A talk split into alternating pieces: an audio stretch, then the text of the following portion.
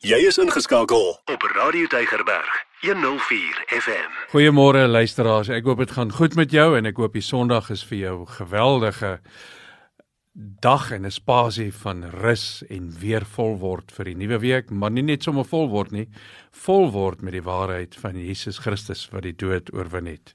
Ek hoop hierdie erediens doen iets in jou lewe en dat die Here deur sy woord en sy gees sal praat met jou en met elkeen van ons. So ek wil vanoggend saam met jou 'n bietjie gesels oor die eerste bede van die Ons Vader. En die eerste bede van die Ons Vader is hierdie ene: Laat U naam geheilig word.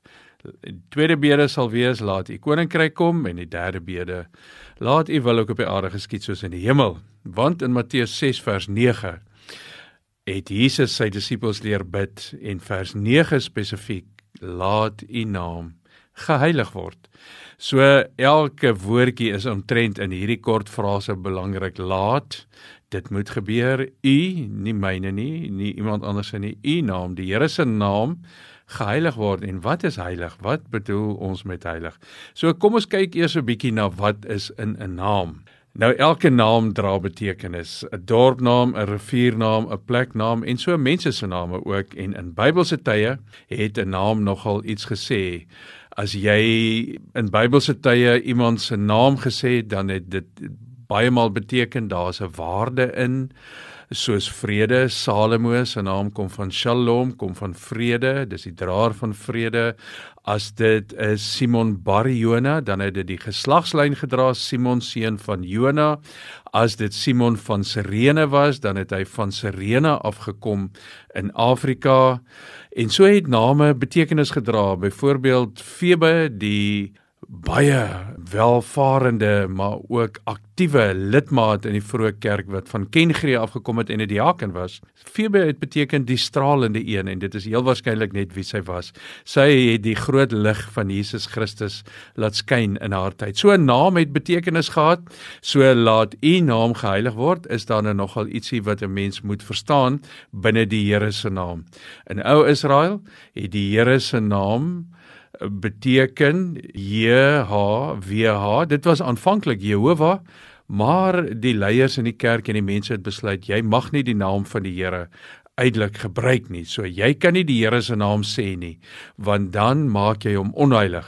So hulle het die uh, vokale weggegooi. So hulle het die o en die a en die e weggegooi en toe bly daar uiteindelik vier medeklinkers oor. Die j en die h en die w en die h. So hulle besluit toe maar hierdie onuitspreeklike naam is die Here se naam.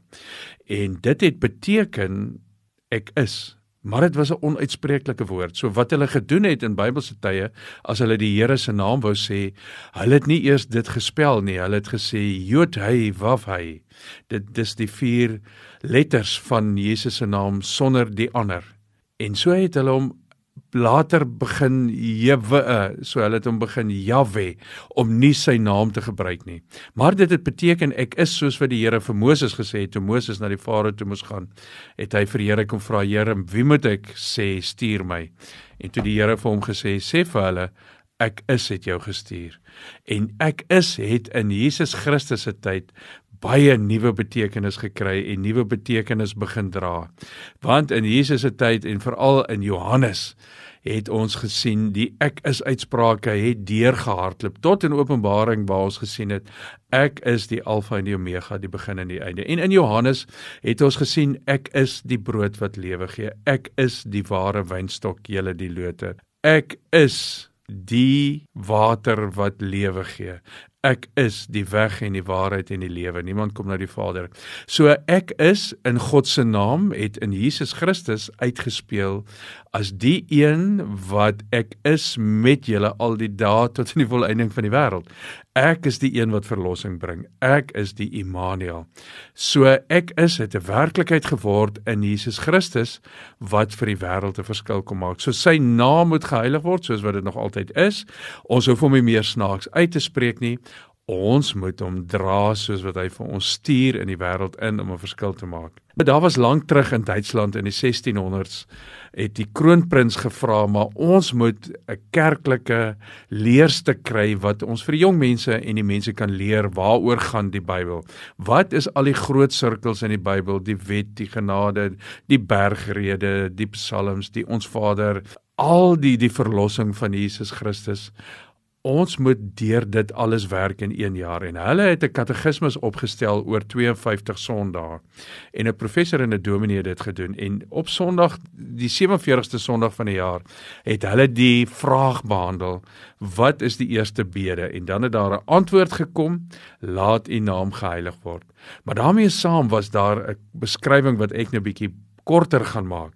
Wat beteken dit dat sy naam geheilig moet word en wat dit werklik beteken het die twee eh, wyslere van die 1600s geskryf gee allereers dat ons u heilig roem en prys in al die werke. En dan die tweede punt gee verder dat ons ons hele lewe gedagtes woorde en werke daarop sal rig. Die derde ding dat u naam geëer en geprys moet word. Nou so uit hierdie ou Heidelbergse katekismes is daar 'n paar goed wat belangrik is. Die een is hulle het die woordjie allereers gebruik wat vir jou onmiddellik bekend sal klink, want Jesus het daai woord ook gebruik in hierdie selfde hoofstuk nog van die ons Vader en ons gaan nou-nou by hom kom. Allereers moet hy geheilig word en dan moet ons hom prys in al sy werke en in al ons werke dan moet ons 'n tweede ding doen. Ons hele lewe, al ons gedagtes, woorde en werke moet gerig word op nie ons naam of enige ander naam nie, maar sy naam en sy naam moet geëer en geprys word. Maar daar's nog 'n belangrike ding in die Heidelbergse Katekismus en dit is die werkwoordjie gee.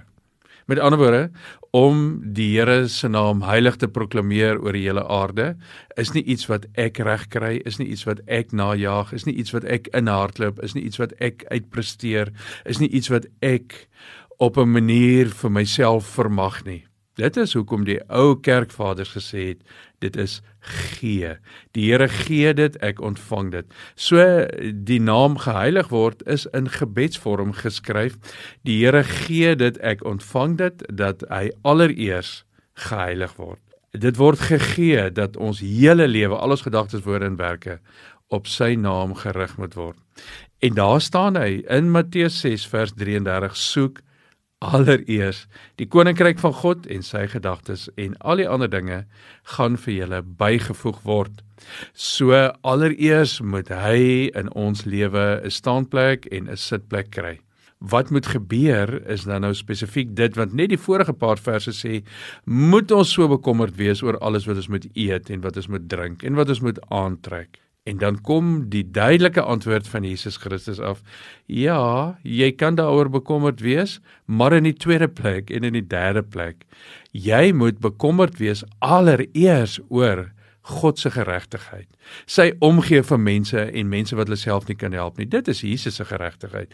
Ons moet allereers die koninkryk van die Here laat kom. Met ander woorde op ons agenda, op ons sakelysie van elke dag Wie is heelbo? Wat is heelbo? Is dit sy koninkryk? Want hy moet bo aan wees en dan word sy naam geheilig. Ek wil vreeslik graag saam met julle 'n gedeelte lees in Psalm 19. Want Psalm 19 is hierdie Psalm van Dawid hoe die Here sy naam wil proklameer uit die Ou Testament uit uit Psalm 19 uit en ek lees vir jou en jy kan saam met my sommer net luister. Vir die koorleier in Psalm van Dawid. Die hemel getuig van die mag van God, die uitspansel maak die werk van sy hande bekend. Die een dag gee die berig deur aan die ander en die een nag deel die kennis aan die volgende mee. Sonder spraak en sonder woorde, onhoorbaar is hulle stem. Tog gaan daarvan 'n boodskap uit oor die hele wêreld en hulle taal bereik die uithoeke van die aarde. Vir die son is daar in die hemel 'n tent opgeslaan. As hy stralend begin om sy baan te volg, is hy soos 'n bruidegom wat uit sy slaapkamer kom. Aan die een kant van die hemel kom hy op en aan die ander kant gaan hy onder en niks ontkom aan sy gloed nie. Die woord van die Here is volmaak. Dit gee lewe. Die onderwysing van die Here is betroubaar. Dit gee wysheid aan die wat nog onervare is. Die beveelings van die Here dui die regte koers aan. Dit bring blydskap. Die gebod van die Here is helder. Dit gee insig. Die eise van die Here vir sy diens is goed, dit staan altyd vas. Die bepalinge van die Here is reg. Elkeen van hulle is regverdig. Hulle is kosbaarder as goud, selfs as baie goud, soeter as heuning, as druppels uit 'n heuningkoek. U dienaar laat hom daardeur leer. Wie dit alles onderhou, groot is sy beloning. Wie sien sy eie dwaalinge raak? Moet my tog nie straf vir sondes wat ek ontwetend gedoen het nie. Weerhou my van opsetlike sondes. Laat hulle nie oor my heers nie. Dan sal ek onberisplik wees en vry van hierdie groot sonde. Mag wat ek sê en wat ek dink tog vir U aanneemlik wees, Here, my rots en my verlosser. Nou ek lees net tot sover, maar wat jy nou in hierdie Psalm in Psalm 19 sou raak hoor is hoeveel daar en hoe gereeld daar en hoe herhaaldelik daar op maniere en met metafore oor die woord van die Here, oor die rigting en die kompas van die Here gepraat word. So ek gaan nou teruggaan na die Psalm toe en dan gaan ek vir jou elke keer en elke term uitlig waar die woord van die Here besing word want daar's 'n belangrike beginsel wat ek en u as luisteraar moet verstaan oor hoe die Here se naam geheilig word. Dit gebeur uit die woord van die Here. Die Here sal uit sy woord uit sy naam heilig, so ek en julle moet agterkom hoe kosbaar die woord van die Here is. Kom ek wys vir jou uit. In vers 8 staan daar die woord van die Here verwysende na die Bybel is volmaak. In dieselfde vers word gepraat van die onderwysing van die Here. Die volgende vers vers 9 word gepraat van die beveelings van die Here. Hulle bring die regte koers aan. Dan ook in vers 9 die gebod van die Here is helder. Dan in vers 10 die eise van die Here vir sy diens het 'n besondere uitwerking en 'n besondere beweging. Dan ook nog in vers 10 die bepalinge van die Here. So tussen alles die woord, die onderwysing, die beveelings, die gebod, die eise en die bepalinge van die Here kan ek en jy net na een boek toe teruggaan. Nou, dit is die Bybel. Dit is die woord en die waarheid van die Here. Kom ek lig nou vir jou uit wat doen die woord van die Here wat so herhaaldelik genoem word in Psalm 19. In vers 8, die woord van die Here, wat is dit? Luister mooi, dit is volmaak. Dit in die tweede plek gee lewe. Dit veroorsaak lewe, dit veroorsaak beweging. Dit veroorsaak dat mense vir ander mense omgee en dat hulle die genade en die liefde van die Here kan lees en verstaan in hierdie lewe. Wat doen die onderwysing van die Here? Dis betroubaar. Jy kan dit vertrou, jy kan dit glo.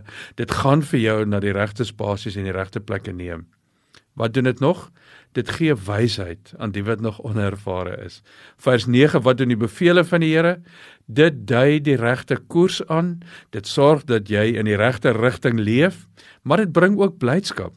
Dit veroorsaak nie partytjie vreugde nie, maar diepgaande siele blydskap waarvan jy kan leef.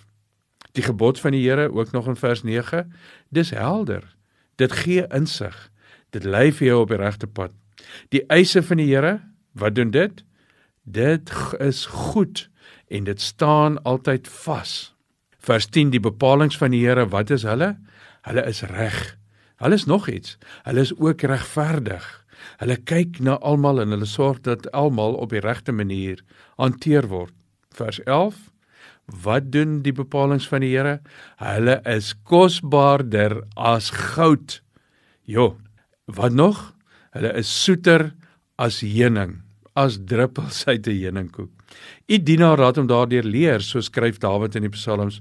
Wie hierdie alles onderhou, die laaste positiewe ding, lewensveranderende ding, groot is die beloning vir jou en vir my as ons sy woord volg en as ons na hom luister. So wat Psalm 19 wil doen, Psalm 19 wil vir my en vir jou opnuut in vervoering bring oor die Here. Dis hoekom daar van son gepraat word en die maan en die donker en die natuurelemente.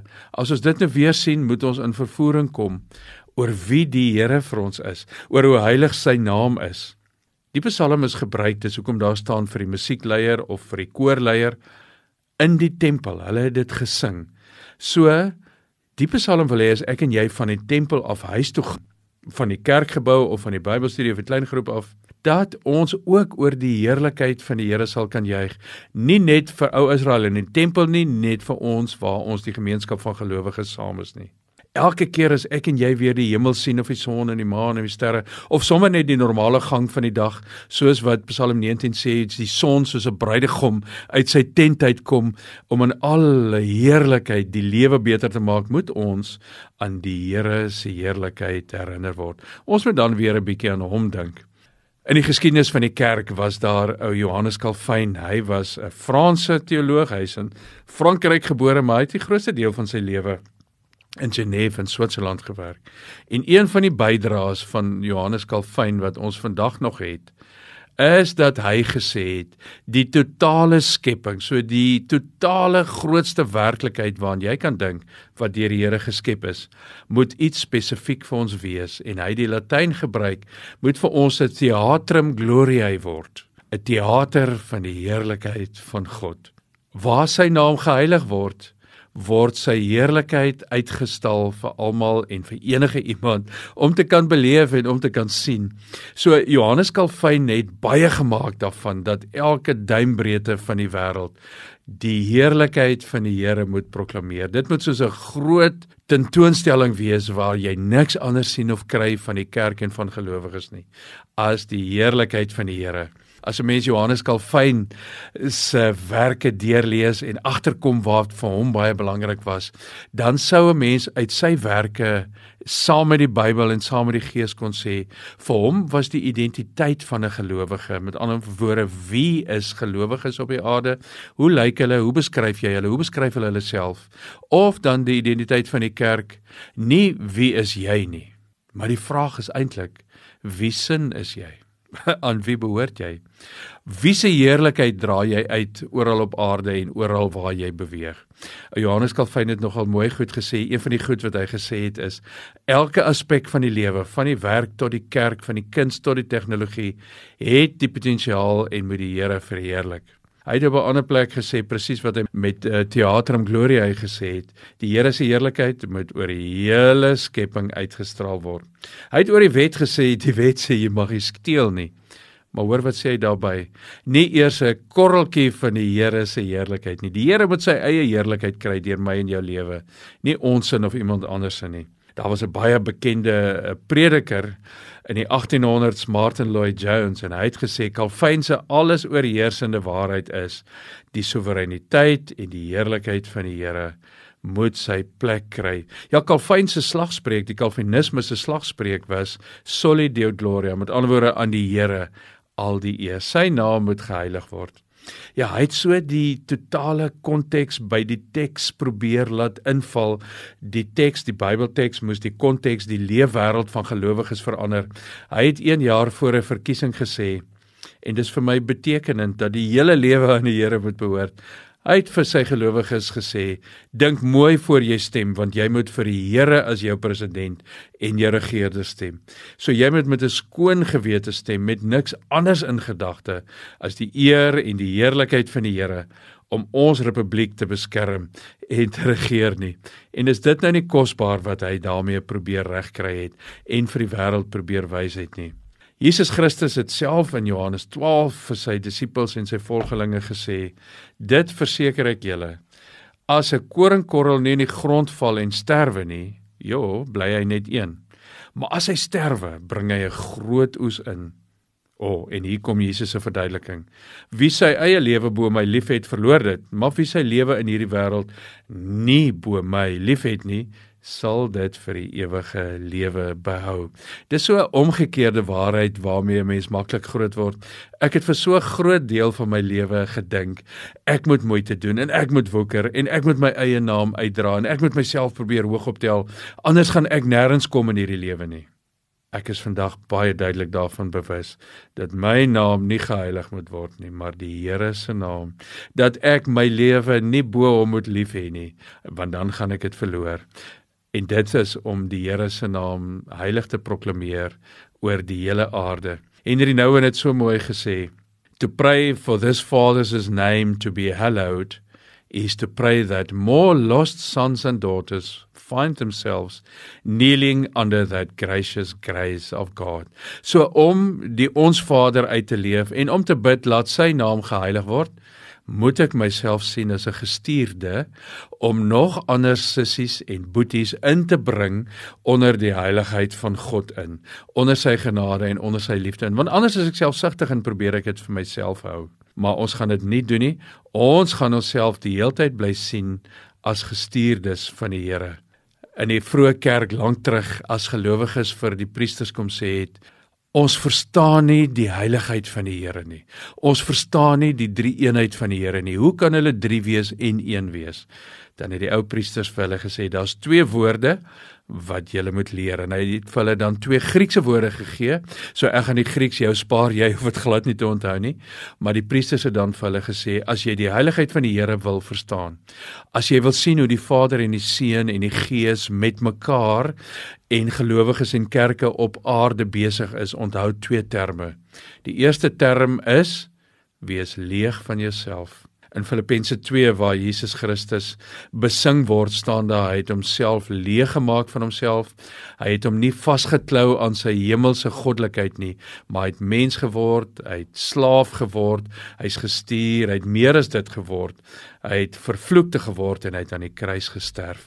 So jy moet leeg wees van jouself, dan word die Here se naam geheilig. En daar's 'n ander Griekse woord wat hulle dan ook vir die lidmate en die gelowiges gegee het en vir hulle gesê het: Jy moet onderling onderdanig wees aan ander mense. amper soos wat Paulus in Romeine 5 gesê het en dit word baie vir huwelikspreuke gebruik, maar dit is vir alle gelowiges bedoel: Wees uit eerbied vir Jesus Christus aan mekaar onderdanig kom ons probeer dit en ons jaag dit na. Ek wil so 'n laaste gedagtetjie by jou los. 'n Vrou met die naam van Richela Paham het 'n boekie geskryf, Mythical Me. En in hierdie boekie Mythical Me skryf sy oor 'n paar spinnerakke en geraamtes wat in haar kas hang, hoe sy sukkel om die Here se grootheid en heiligheid uit te leef, want ander mense maak haar baie maal ongelukkig en sy het agtergekom sy maak eintlik self ongelukkig. En as sy die drie eenheid mooi bestudeer het, het sy agtergekom die drie eenheid wil eintlik van haar hê om nie vir haarself te meet aan ander mense nie, nie ander mense se sukses te sien dat uh, dit haarself meer onsuksesvol maak nie en dat ander mense se geluk haar geluk nie steel nie. Sy het geskryf when I remember that my life is part of the circle of trinitarian fellowship I can stop using people as yardsticks for judging myself. After all, their success doesn't steal any success from me. Their happiness doesn't diminish mine is dit nou net die wonderlike deurtrek van die werklikheid van die drie eenheid en die heilige naam van die Here nie. Ek kan dan ophou om myself te meet aan ander mense. Ek meet my dan aan Jesus Christus en sy opdrag waarmee hy my stuur. Ek kan ophou ander mense se sukses as 'n bedreiging vir myself sien. Ek moet dit soos wat Paulus gesê het, as ander mense geëer word, wees saam bly en as ander mense hartseer is, huil saam met hulle en ander mense se geluk maak nie myne minder nie. As ek dit saam met hulle kan geniet, maak dit myne meer. Ek wil so graag hê jy moet saam met my 'n gebed doen. So bid saam met my en dan bid ek dat die Here vir jou sal deurdra. Kom ons bid. Here baie dankie dat ons in die Bybel kan lees in die eerste bede van die Ons Vader, laat sy naam geheilig word, laat u naam geheilig word. Dwars oor die hele wye wêreld, elke duimbreedte. Help vir ons om te verstaan dat as U naam geheilig word, U heerlikheid oor elke duimbreedte van die aarde geproklaameer word. Help vir ons Here om ons eie koninkrykies en ons eie heilige naam te laat val. Help vir ons om U naam te heilig tot in die uithoeke van die wêreld. Aan U al ons eer, al ons lof en al ons aanbidding in die naam van Jesus Christus. Amen. Elke dag jou nommer 1 keuse. Radio Deugerberg 104 FM